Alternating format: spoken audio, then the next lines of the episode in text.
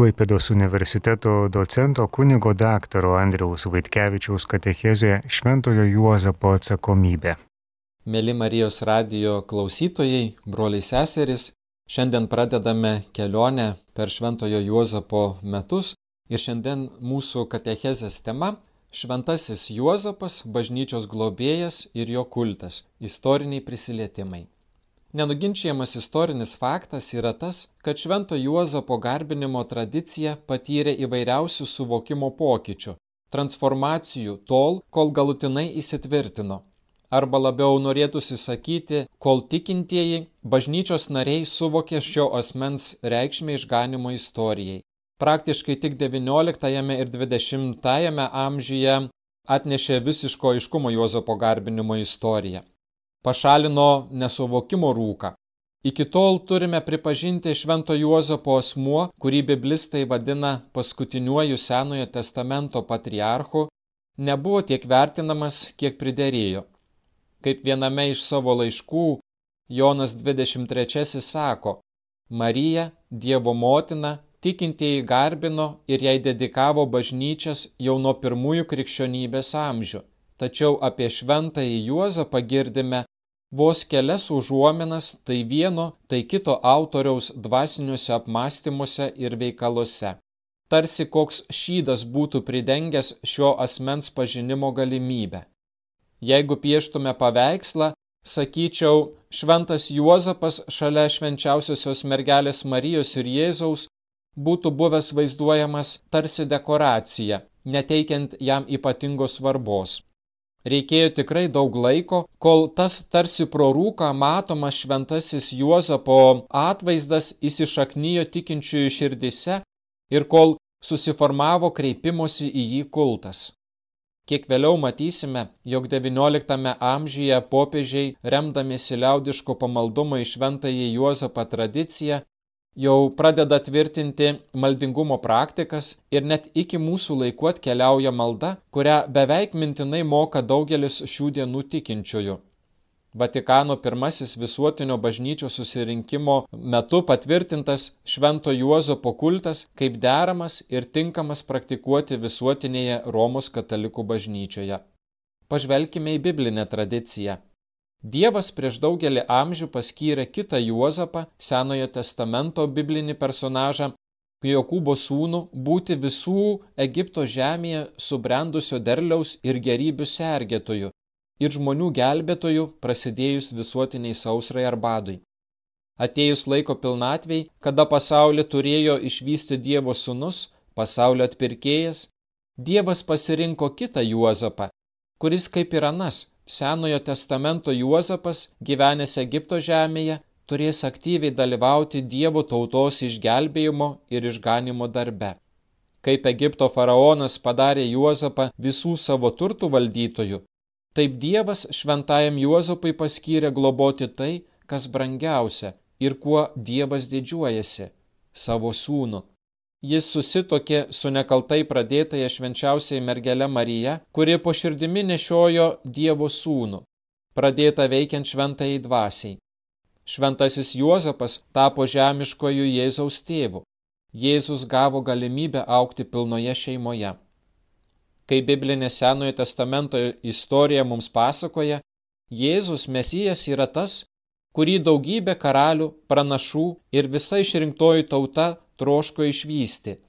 Jo laukia ištisus šimtmečius, o šventasis Juozapas buvo tas, kuris galėjo Jėzų apgaubti tėvišką meilę, jį matė kasdien, bendravo, stebėjo, kaip jis auga, auklėjo, priglausdavo savo tvirtame vyriškame glebyje, mylėjo jį kaip tėvas ir stengiasi suvokti, koks yra Dievo planas jam, Jėzaus tėvui, bendroje išganimo istorijoje ir Jėzaus gyvenimo kelyje. Dėl to ypatingo švento Juozapo nuolankumo ir sutikimo dalyvauti Dievo veikime, Dievo plano išsipildyme, pasaulio išganimo istorijoje ir dėl tos ypatingos malonės ir garbės tapti Dievo sunaus tėvu, bažnyčia visada ypatingai gerbė šventąjį Juozapą ir kreipdavosi į jį garbindama drauge su švenčiausiai mergelė Marija, Dievo motina, ypač tada, kada prispausdavo įvairiausi sunkumai. Liaudės pamaldumo praktikose aptinkame per amžius keliaujančias pamaldumo tradicijas, atskirose viskupijose ir parapijose pasireiškusias ypatingą meilę ir pagarbą šventojo Juozapo asmeniui ir aiškiu suvokimu, kad jis yra globėjas visų, kurie patenka į kebles situacijas ar patiria sunkumus. Katalikų bažnyčia XIX amžiuje susidūrė su modernizmo epochos iššūkiais, jaunosios kartos moralės žlugimu ir kitais sunkumais keitusiais tuometinių visuomenių veidus. Tokiame istorinėme sociokultūrinėme kontekste bažnyčiai reikėjo artimo ir paprasto pavyzdžio, žmogaus, kuris galėtų tapti vedliu kiekvienam krikščioniui jo kasdienybėje patiriamuose išbandymuose ir sunkumuose. Žmogus, kuris ištvermingai susidorojo su persikėjimais, tremtinio dalę, nepritekliumi buvo šventasis Juozapas. Nuo antrojo amžiaus populiarėja apokrifiniai raštai, kuriuose bandoma giliau pažinti Švento Juozapo asmenį. Tačiau šie tekstai net laiko kritikos, kadangi juose aprašomi Šventojo Juozapo gyvenimo įvykiai, romantizuotos kasdienio gyvenimo detalės ir smulkmenos, kai kur netitinka pasakojimų užrašytų Evangelijose bei kai kurių tradicijų susijusių su hebrajiškomis vestuvėmis ir su toktiniu amžiumi. Kaip ten bebūtų, negalime nuneikti apokrifinių raštų svarbos, kadangi jie maitino pirmųjų amžių krikščionių bendruomenių vaizduotę ir pamaldumo raidą prašant švento Juozapo užtarimo. Pavyzdžiui, taip vadinamoji Jokūbo proto evangelija. Arba Jėzaus vaikystės evangelija, datuojama ketvirtuojumi amžiumi, kuri pasakoja apie vaikystę ir Jėzaus padarytus stebuklus, kai jam buvo 5 iki 10 metų. Tarp kasdienybės aprašymų, kada minimas Švento Juozapo vardas, apie jį jau rašoma kaip apie šventąjį. Kada prasideda bažnyčios tėvų epocha, jų raštuose matome pastangas apvalyti nuo įvairių klaidingų įsitikinimų ir kultų tiek patį Švento Juozapo asmenį, tiek besiformuojančias pamaldumo tradicijas.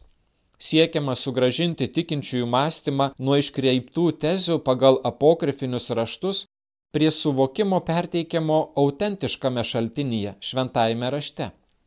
Trečiame amžiuje vienas pirmųjų, Origenas, pamokslo metu norėjo paaiškinti apie švento Juozapo teisumą ir kad jis norėjo apleisti Mariją ne dėl to, jog sužinojo, kad šioji paliesta didelės paslapties, paties Dievo veikimo. Jis jautėsi nevertas prisartinti prie šios lėpinio. Ketvirtame amžiuje Kirilas Jeruzalietis šventasis Kromancijus, šventasis Ambroziejus mąstė apie švenčiausiosios mergelės Marijos mergystę, santoką su šventuoju Juozapu ir apie jo tėvystės tikrumą. Išliko 18 Kromancijaus pamokslų, kurie aiškiai įvardyja šventojo Juozapo ir švenčiausiosios Marijos kaip tėvų autentiškumą ir karališkąją kilmę. Jie Abraomo palikuonis. Savo pamoksluose mini, kad po žinios apie Dievo sūnaus įsikūnijimą neįmanoma, jog šventasis Juozapas ir švenčiausiai Marija būtų turėję kokiu nors kūniškų santykių. Šiam teiginiui pagrysti pateikia pavyzdį iš Biblijos apie Mozės seserį, kuri irgi norėjo išsaugoti skaistumą. Tokiu būdu pabrėždamas, kad tai buvo ne vieninteliai žmonės, kurie gyvendami santokinėme Senojo testamento ryšyje norėjo pasišvesti Dievui per skaistumą.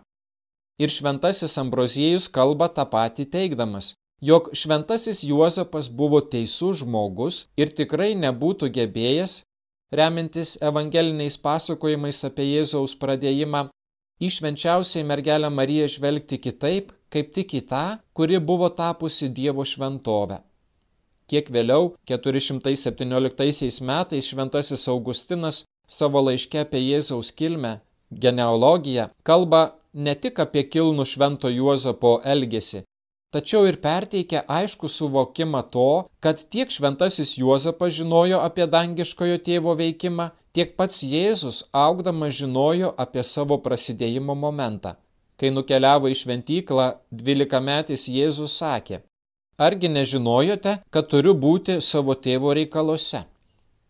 Tai ir priminimas šventajam Juozapui apie jo misiją ir liudijimas to, kad Jėzus žino apie savo misiją.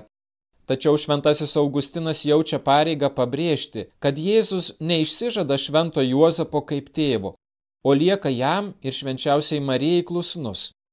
Šventam Augustinui labai svarbu kalbėti apie genealogiją žvelgiant per švento Juozapo liniją, o ne pagal švenčiausiosios Marijos, kas buvo įprasta hebrajiškoje kultūroje žvelgti per moteriškąją liniją.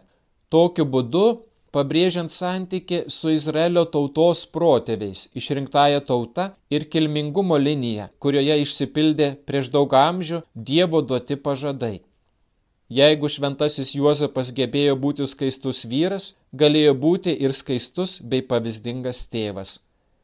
Šventasis Jeronimas veikale prieš Helvidijų apie 383 metus paklojo pamatus gilesniam švento Juozapo asmens pažinimui ir pamaldumo į jį praktikavimui.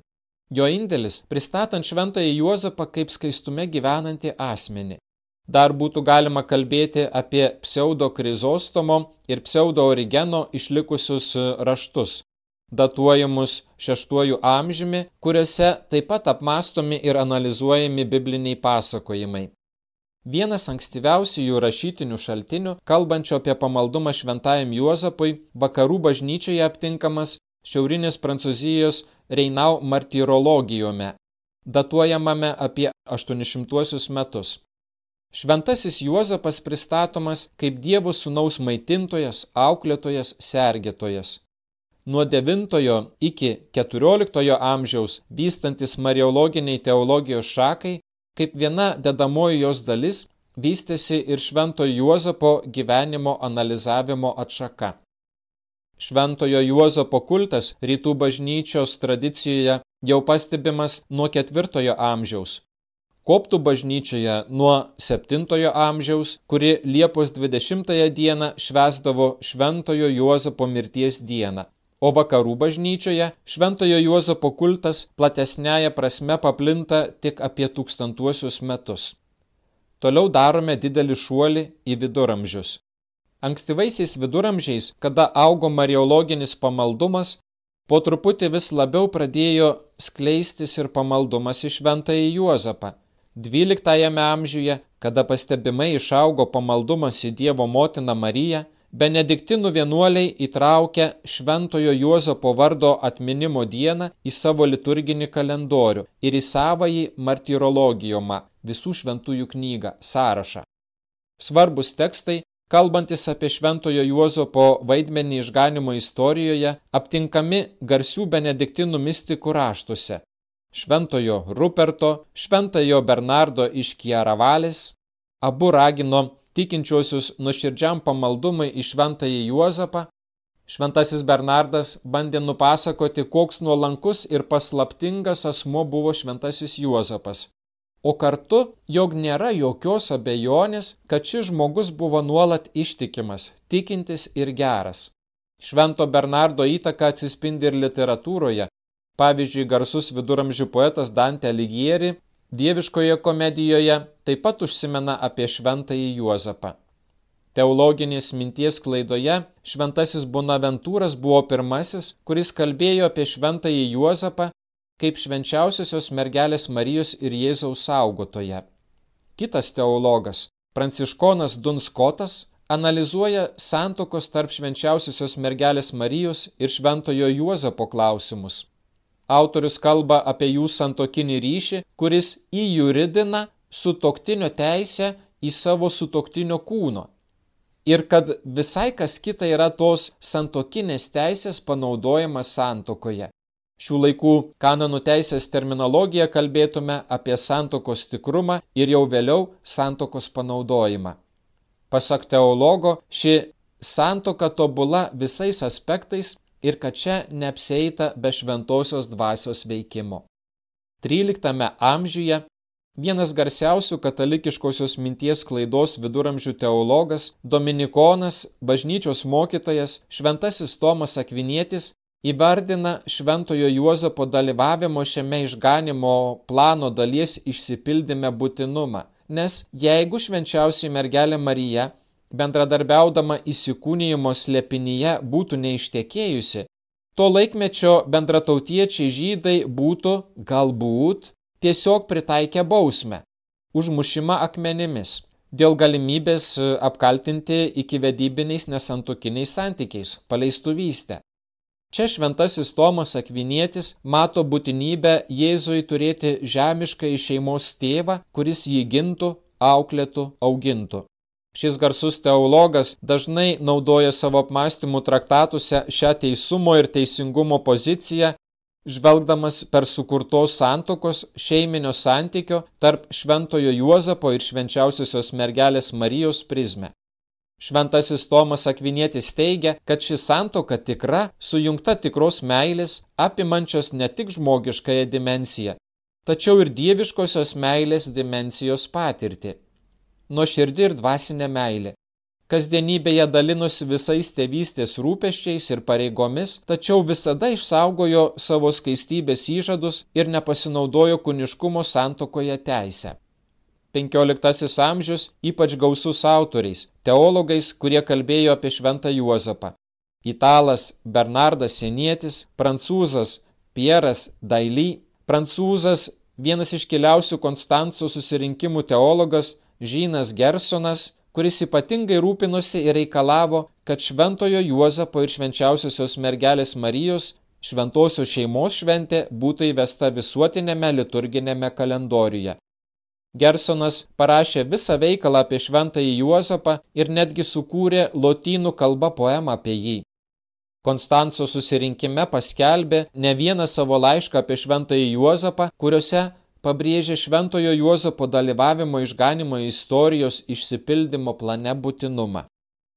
XVI amžiuje pamaldumo į šventąjį Juozapą kultas sparčiai auga. Apie tai mums liudija 1540 metais Romos forume atsirandanti bažnyčia, kuriai suteiktas titulas Šventasis Juozapas dailidžių globėjas arba liaudiškai vadinamas Juozapas darbininkas. Bažnyčia įrengta toje vietoje, po kuria, kaip kad buvo pagal tradiciją tikima, kalėjimas, kuriame buvo uždaryti ir kalinami apaštalai Petras ir Paulius. 1597 metais Romoje išleidžiama pirmoji litanija skirta Šventojo Juozapo garbinimui. 1657 metais Antverpeno mieste, Belgijoje, Augustinijonų vienuolis patyrė stebuklingą pagyjimą iš sunkios lygos. Jis nuolat dėvėjo juostą skirtą šventojo Juozapo garbiai, kurios paskirtis buvo prašyti tyrimų malonės per šventojo Juozapo užtarimą. Ši pamaldumo praktika ypač išpopuliarėjo daugelyje Europos šalių, o XIX amžiaus viduryje 1859 metais popiežius Pijus IX atskirų dokumentų patvirtino Šventojo Juozapo juostos palaiminimo ritą, o Šventojo Juozapo brolyjei gyvai po šiai dienai kai kuriuose Europos valstybėse suteikė atlaidų malonės. Atsiranda įvairios pamaldumo formos prašant Šventojo Juozapo užtarimo ir Šventojo Juozapo škaplerius. 1880 metais patvirtintos oficialios jo išvaizdos ir naudojimo taisyklės, ant kurio vaizduojamas e, šventasis Juozapas, laikantis vienoje rankoje kūdikį Jėzų, o kitoje lelyje. Kitoje škapleriaus pusėje šventosios dvasios atvaizdas. Apibendrinant galima teikti, kad šventosios šeimos garbinimo pamaldumas ypatingai sparčiai populiarėja nuo XVII amžiaus. Nuo XVI amžiaus daug katalikų šventųjų meldžiasi prašydami šventojo Juozapo užtarimo. Jį patiria ir kitus skatina kreiptis į jį. Šventasis Pranciškus Salezas ragino apmastyti šventosios šeimos gyvenimą ir kreiptis į šventąją šeimą prašant užtarimo, kasdien darant sąžinę sąskaitą. Šventoji Teresė Vilietė patiria stebuklingą pagyjimą ir nuopelnus priskiria šventajam Juozapui. Ji vadina šventąjį Juozapą galingų užtarėjų. Šventoji kūdikėlio Jėzaus Teresė kasdien prašo šventojo Juozapo užtarimo ir vadina jį visų mergelių ir skaiščiai gyvenančiųjų tėvų ir gynėjų. Apie tai plačiau galite paskaityti jos biografijoje vienos sielos istoriją. Šie trys šventieji laikomi vienais reikšmingiausiais šio laikmečio pavyzdžiais - katalikiškojo dvasingumo mokytojais jiems suteiktas bažnyčios mokytojų titulas, reiškintis ypatingą jų gyvenimo ir jų raštų svarbą bei pavyzdį kiekvienam tikinčiajam. 1870 metais Gruodžio 8 dieną Dievo kulto ir sakramentų tvarkos kongregacija išleido dekretą, kuriame aiškiai išsakyta popiežiaus Pijaus IX sprendimas paskelbti šventąjį Juozapą visuotinės katalikų bažnyčios globėjų. Oficiali Šventojo Juozapo minėjimo liturginėme kalendoriuje diena, kovo 19, iki tol turėjusi šventės statusą, įgavo iškilmės statusą. Samoningai pabrėžiant šeiminio ryšio svarbą, dekretas paskeltas per švenčiausiosios mergelės Marijos nekaltojo prasidėjimo šventę gruodžio 8 dieną. Sąmoningai, nes Šventojo Juozapo asmens svarbos išganimo istorijoje bei visai bažnyčiai, mastant apie jį kaip apie bažnyčios globėją, neįmanoma iki galo suvokti, nekreipiant dėmesio į trejybinį šeiminį santyki tarp Marijos, Juozapo ir Jėzaus. Praėjus 19 metų, 1889 metų vasarą, rūpiučio 15 dieną, popiežius Leonas XIII paskelbė encikliką Kvam Kvam Pliurijas kurioje atkreipė dėmesį į keletą svarbių šventojo Juozapo asmens savybių bei paskatino gilesnės Juozapologijos studijas ir norą pažinti jo asmenį. Leonas XIII pristatė šventą Juozapą kaip gyvenimo modelį su modernizmo iššūkiais besidorojančiai bažnyčiai ir kiekvienam jos nariui.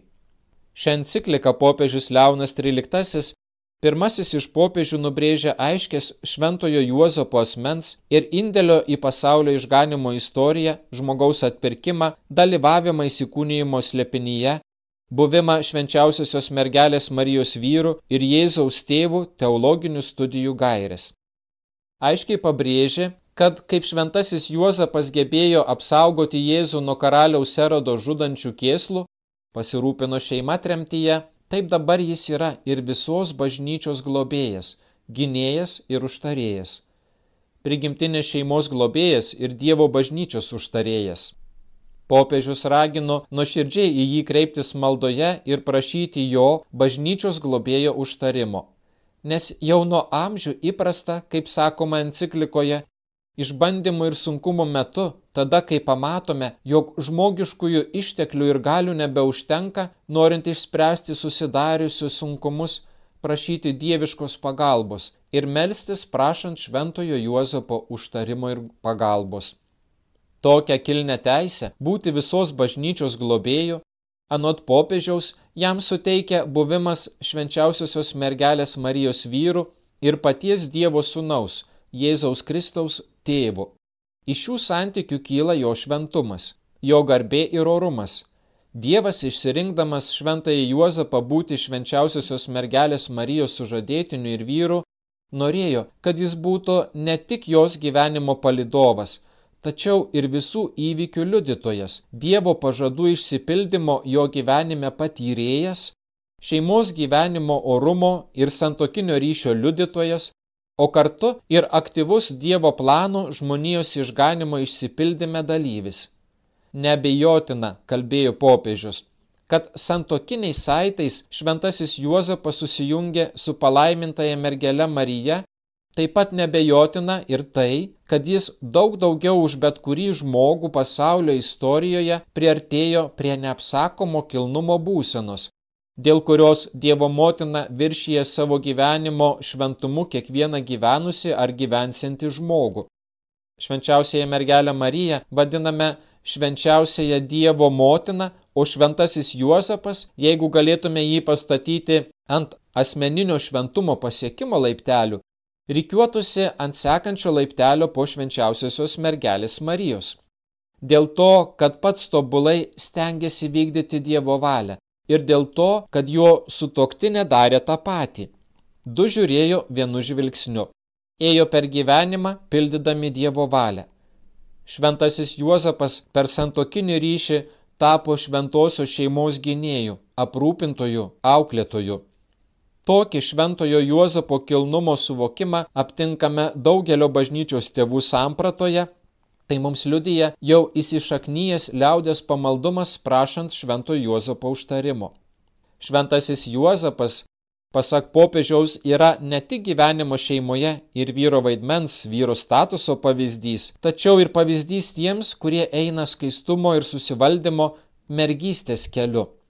Bažnyčia tiki, kad Jėzaus prasidėjimas įvyksta veikiant šventai dvasiai, o šventasis Juozapas ir švenčiausiai mergelė Marija išlaikė skaistumo kelią netgi būdami santokinėme ryšyje. XIX amžius buvo pažymėtas industrinio kapitalizmo vystimusi ir naujo požiūrio į dirbantį žmogų raida. Požiūrio, kuris vis labiau įgydavo išnaudotojiškumo charakterį, į antrą planą nustumint patį žmogų. Žmogus – įrankis siekti ekonominiams tikslams. Popiežius Leonas XIII kvietė matyti darbą ne kaip savo asmeninių siekių priemonę, dažnai egoistiškų, o matyti darbą kaip žmogiškojo pašaukimo ir gyvenimo prasmės radimo instrumentą.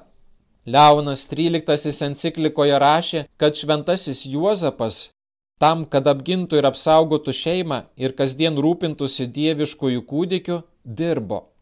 Savo darbų pelnydavo atlygį, kurio neišvengiamai reikėjo tam, kad aprūpintų maistu, rūbais gyvenamąją vietą. Popiežius Leonas 13 matė šeimą visos visuomenės ir krikščionybės pagrindu. Todėl paramą šeimoms suvokia kaip vieną esminių elementų siekiant visuotinio bendrojo gėrio. Savo mokymo ir tolimesnių dokumentų kontekste daug kalba apie darbo kilnumą ir tai, kad darbdavys turi užtikrinti savo darbuotojai kilnaus ir oraus pragyvenimo galimybę. Tokiame istorinėme kontekste, kuriame suvešėjo išnaudotojiška dvasia, kritikavo besaikį kapitalizmą ir socializmą, kuris norėjo panaikinti privačią nusavybę. Apie tai plačiau popiežius kalbės praėjus keliariems metams enciklikoje apie darbą ir privatų kapitalą Rerum Novarum. Popiežius Leonas XIII nustatė, kad spalio mėnesį, kalbant rožinio maldą ir taip pat tridienio prieš Šventojo Juozapo iškilmę, tai yra kovo 19 dieną, Pridedant maldą šventajam Juozapui galima pelnyti atlaidus. Beje, kai kuriuose vakarietiškose valstybėse šią dieną švenčiama tėvo diena, pavyzdžiui, Italijoje, Ispanijoje, Portugalijoje, nes jis pavyzdys kiekvienam šeimos vyrui, tėčiui. Štai mums visiems gerai pažįstama malda šventajam Juozapui, kurią dovanoja popiežius Leonas XIII, baigdamas encikliką Quam Quam Plurijas, apie pamaldumą šventajam Juozapui. Į tave palaimintasis Juozapai kreipiamės vargų spaudžiami, melzdami tavo švenčiausiai sužadėti nepagalbos, su pasitikėjimu prašome, kad ir tu mus globotum. Dėl tos keiščios meilės, kuri tave jungia su nekaltaja mergele, Dievo gimdytoje, ir dėl to tėviško džiaugsmo, su kuriuo glaudai prie savęs kudikėlį Jėzų, maloningai pažvelk į visus, kuriuos Jėzus Kristus yra atpirkęs savo krauju, ir mūsų reikalose padėk mums savo gale ir užtarimu. Rūpestingasis šventosios šeimos sargė, saugok Jėzaus Kristaus žmonės. Mylimasis tėve, padėk mums išvengti visokių klaidų ir nupolimų, galingasis gelbėtojau, stiprink mus kovoje su tamsos galybėmis. Ir kaip anuomet išgelbėjai kudikėlį Jėzų, išgrėsinčią jo gyvybei pavojaus, Taip dabar gink šventąją Dievo bažnyčią nuo priešo žabangų ir nuo visokių nelaimių, o kiekvieną mūsų nuolat globok, kad stiprinami tavo pavyzdžio ir pagalbos galėtume šventai gyventi, Dievo malonėje numirti ir pasiekti amžinąją dangaus laimę. Amen. Augant mariologiniam pamaldumui, augo susidomėjimas ir teologinių studijų apimtis, kurios analizavo Šventojo Juozapo vaidmenį ir jo statusą išganimo ekonomijoje. 1950 metais įkurti trys centrai skirti Juozapologijos studijoms plėtoti – Viterbo mieste Italijoje, Valadolido mieste Ispanijoje ir Šventojo Juozapo oratorija Montrealyje, Kanadoje.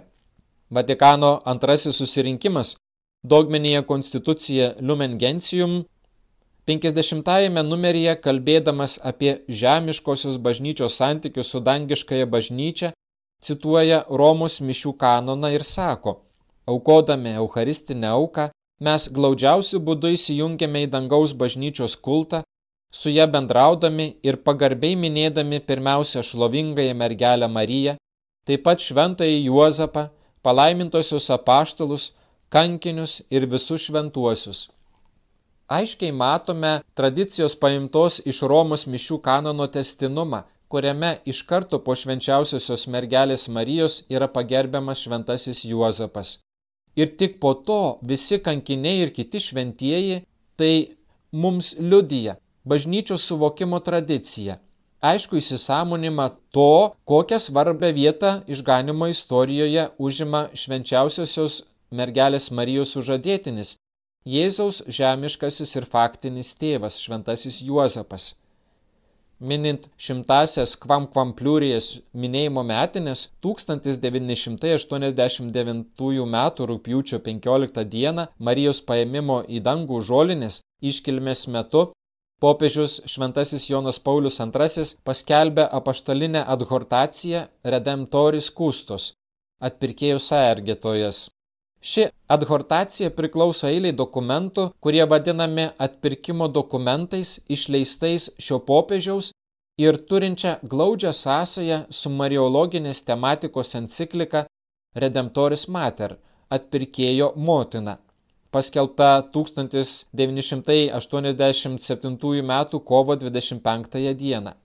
Apaštalinėje adhortacijoje Redemptoris Kustos aptariama šventojo Juozapo svarba ir įtaka šventai šeimai ir matomas naujas popiežiaus šventojo Jono Pauliaus antrojo žvilgsnis į šventąjį Juozapą bei jo vaidmenį išganimo plane. Nuostabi šventojo Jono Pauliaus antrojo mintis, kurioje jis pristato šventąjį Juozapą kaip senojo šeimos tėvo, dominuojančio ir įsakmaus šeimos gyvenime modelio laužytoje ir regi jį kaip pavyzdinį gyvenimo šeimoje modelį – mylinti tėvą. Bandant sutalpinti Šventojo Jono Pauliaus antrojo mintis į vieną sakinį, galėtume teikti, kad popiežius Šventojo Juozapo asmenyje mato kultūrinį lūžį, perėjimo nuo patriarchalinio gyvenimo šeimoje modelio prie tokios tėvystės, kuri remiasi tikra pasiaukojančia meilę, savęs dovanojimu ir naujoviško santykio kūrimu. 2020 metais gruodžio 8 dieną popiežius Pranciškus paskelbė naujausią dokumentą – apaštalinį laišką Patris Korde – tėvo širdis, skirtą Šventojo Juozapo metams paminėti, kviesdamas dar kartą įsigilinti į jo asmens svarbą išganimo istorijoje bei prisiminti tai, kad į jį bažnyčia kreipėsi sunkumo metu. Toks juk ir yra šis pandeminis COVID-19 laikas – sunkus Šventojo Juozapo gyvenimiškoji patirtis, anot šventojo tėvo, gali ne tik mus dvasiškai sustiprinti, atgaivinti, tačiau ir sustiprinti, padėti įprasminti patiriamus sunkumus, išmokyti susiklostančias situacijas vertinti žvelgiant iš amžinybės perspektyvos, žvelgiant per gerosios evangelinės naujienos prizmę. O juk Evangelijoje labai aiškiai matome Kristaus kelionę per kančią ir mirtį į prisikelimą. Popiežius Pranciškus mato šventąjį Juozapą kaip mylimą tėvą, kaip tėvą, kuris myli ir yra švelnus bei rūpinasi savo vaiku. Tėvą, kuris apkabina, atleidžia, moko paklusti Dievo valiai ir tą, kuris mokina paklusnumo tiek tėvams, tiek Dievo valiai savo sūnų Jėzų mokina gerbti įstatymus ir laikytis šeimai ir tautai brangių papročių. Šventasis Juozapas matomas ir kaip tas, kuris moka priimti Dievo dovaną gyvenimo misiją. Jis drasus ir kūrybingas žmogus. Švelnaus gailestingumo tėvas, nesustabdo jo jokie patiriami sunkumai. Dar vienas bruožas - darbštumas ir rūpinimasis šeimos reikalais, jos saugojimas, jos išlaikimas Tuo pačiu metu jis ir tėvas, kuris, kaip sako Pranciškus, yra tarsi šešėlyje, dangiškojo tėvo šešėlyje. Šventasis Juozapas, kaip daugelio kitų šventųjų gyvenimas, mums yra tikros vilties šaltinis, Jis gilinosi ir bandė suvokti bei priėmė Dievo veikimą ir bendradarbiavo su Dievu ir mes galime priimti, pažinti Dievo valią skirtą mums.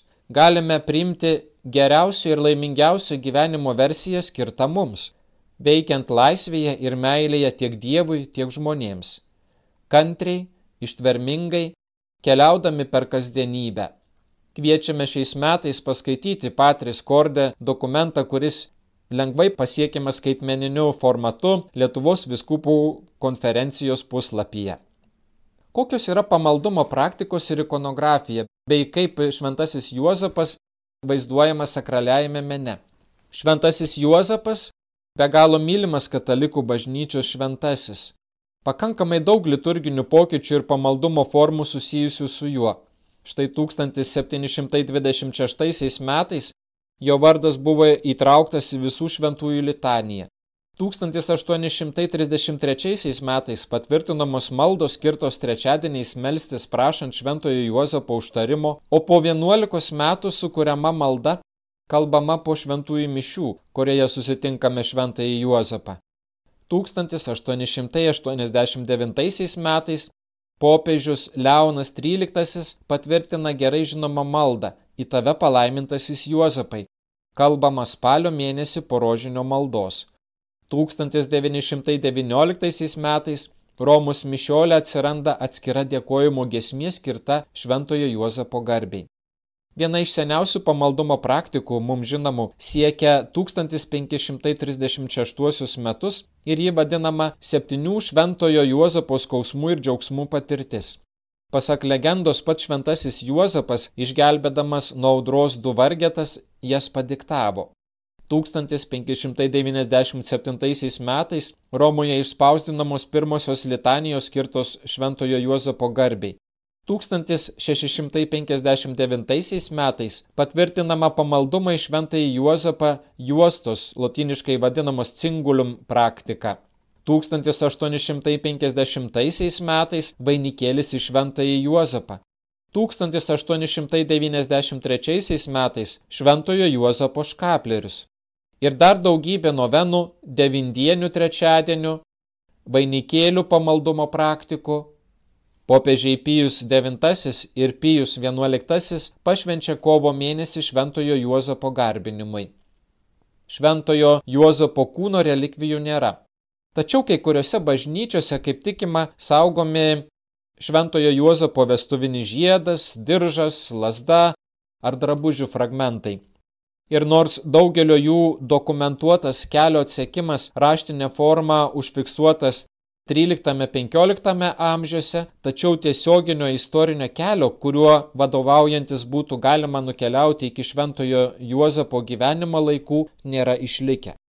Iki viduramžių be galo mažai šventojo Juozapo atvaizdų, arba jie labai fragmentiški. Pats seniausias atvaizdas, kuriame šventasis Juozapas vaizduojamas kaip šventasis, tapytas autoriaus Tado Gadį gyvenus ir tapiusio šį paveikslą 1332-1338 metais Florencijos Šventojo kryžiaus bažnyčioje.